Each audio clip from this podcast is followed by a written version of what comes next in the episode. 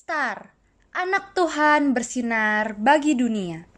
Renungan tanggal 9 Mei untuk anak balita sampai kelas 1 SD. Tuhan Yesus berpesan dari Matius 28 ayat 19. Karena itu pergilah, jadikanlah seluruh bangsa muridku dan baptislah mereka dalam nama Bapa dan Anak dan Roh Kudus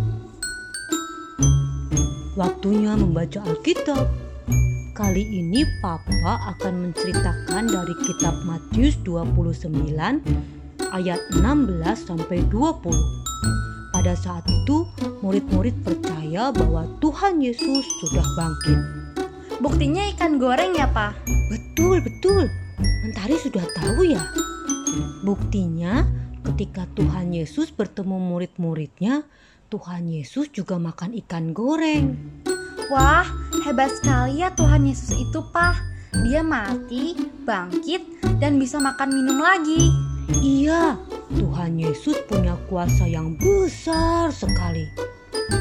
Adik-adik, Tuhan Yesus punya kuasa yang besar sekali. Percayakah adik-adik?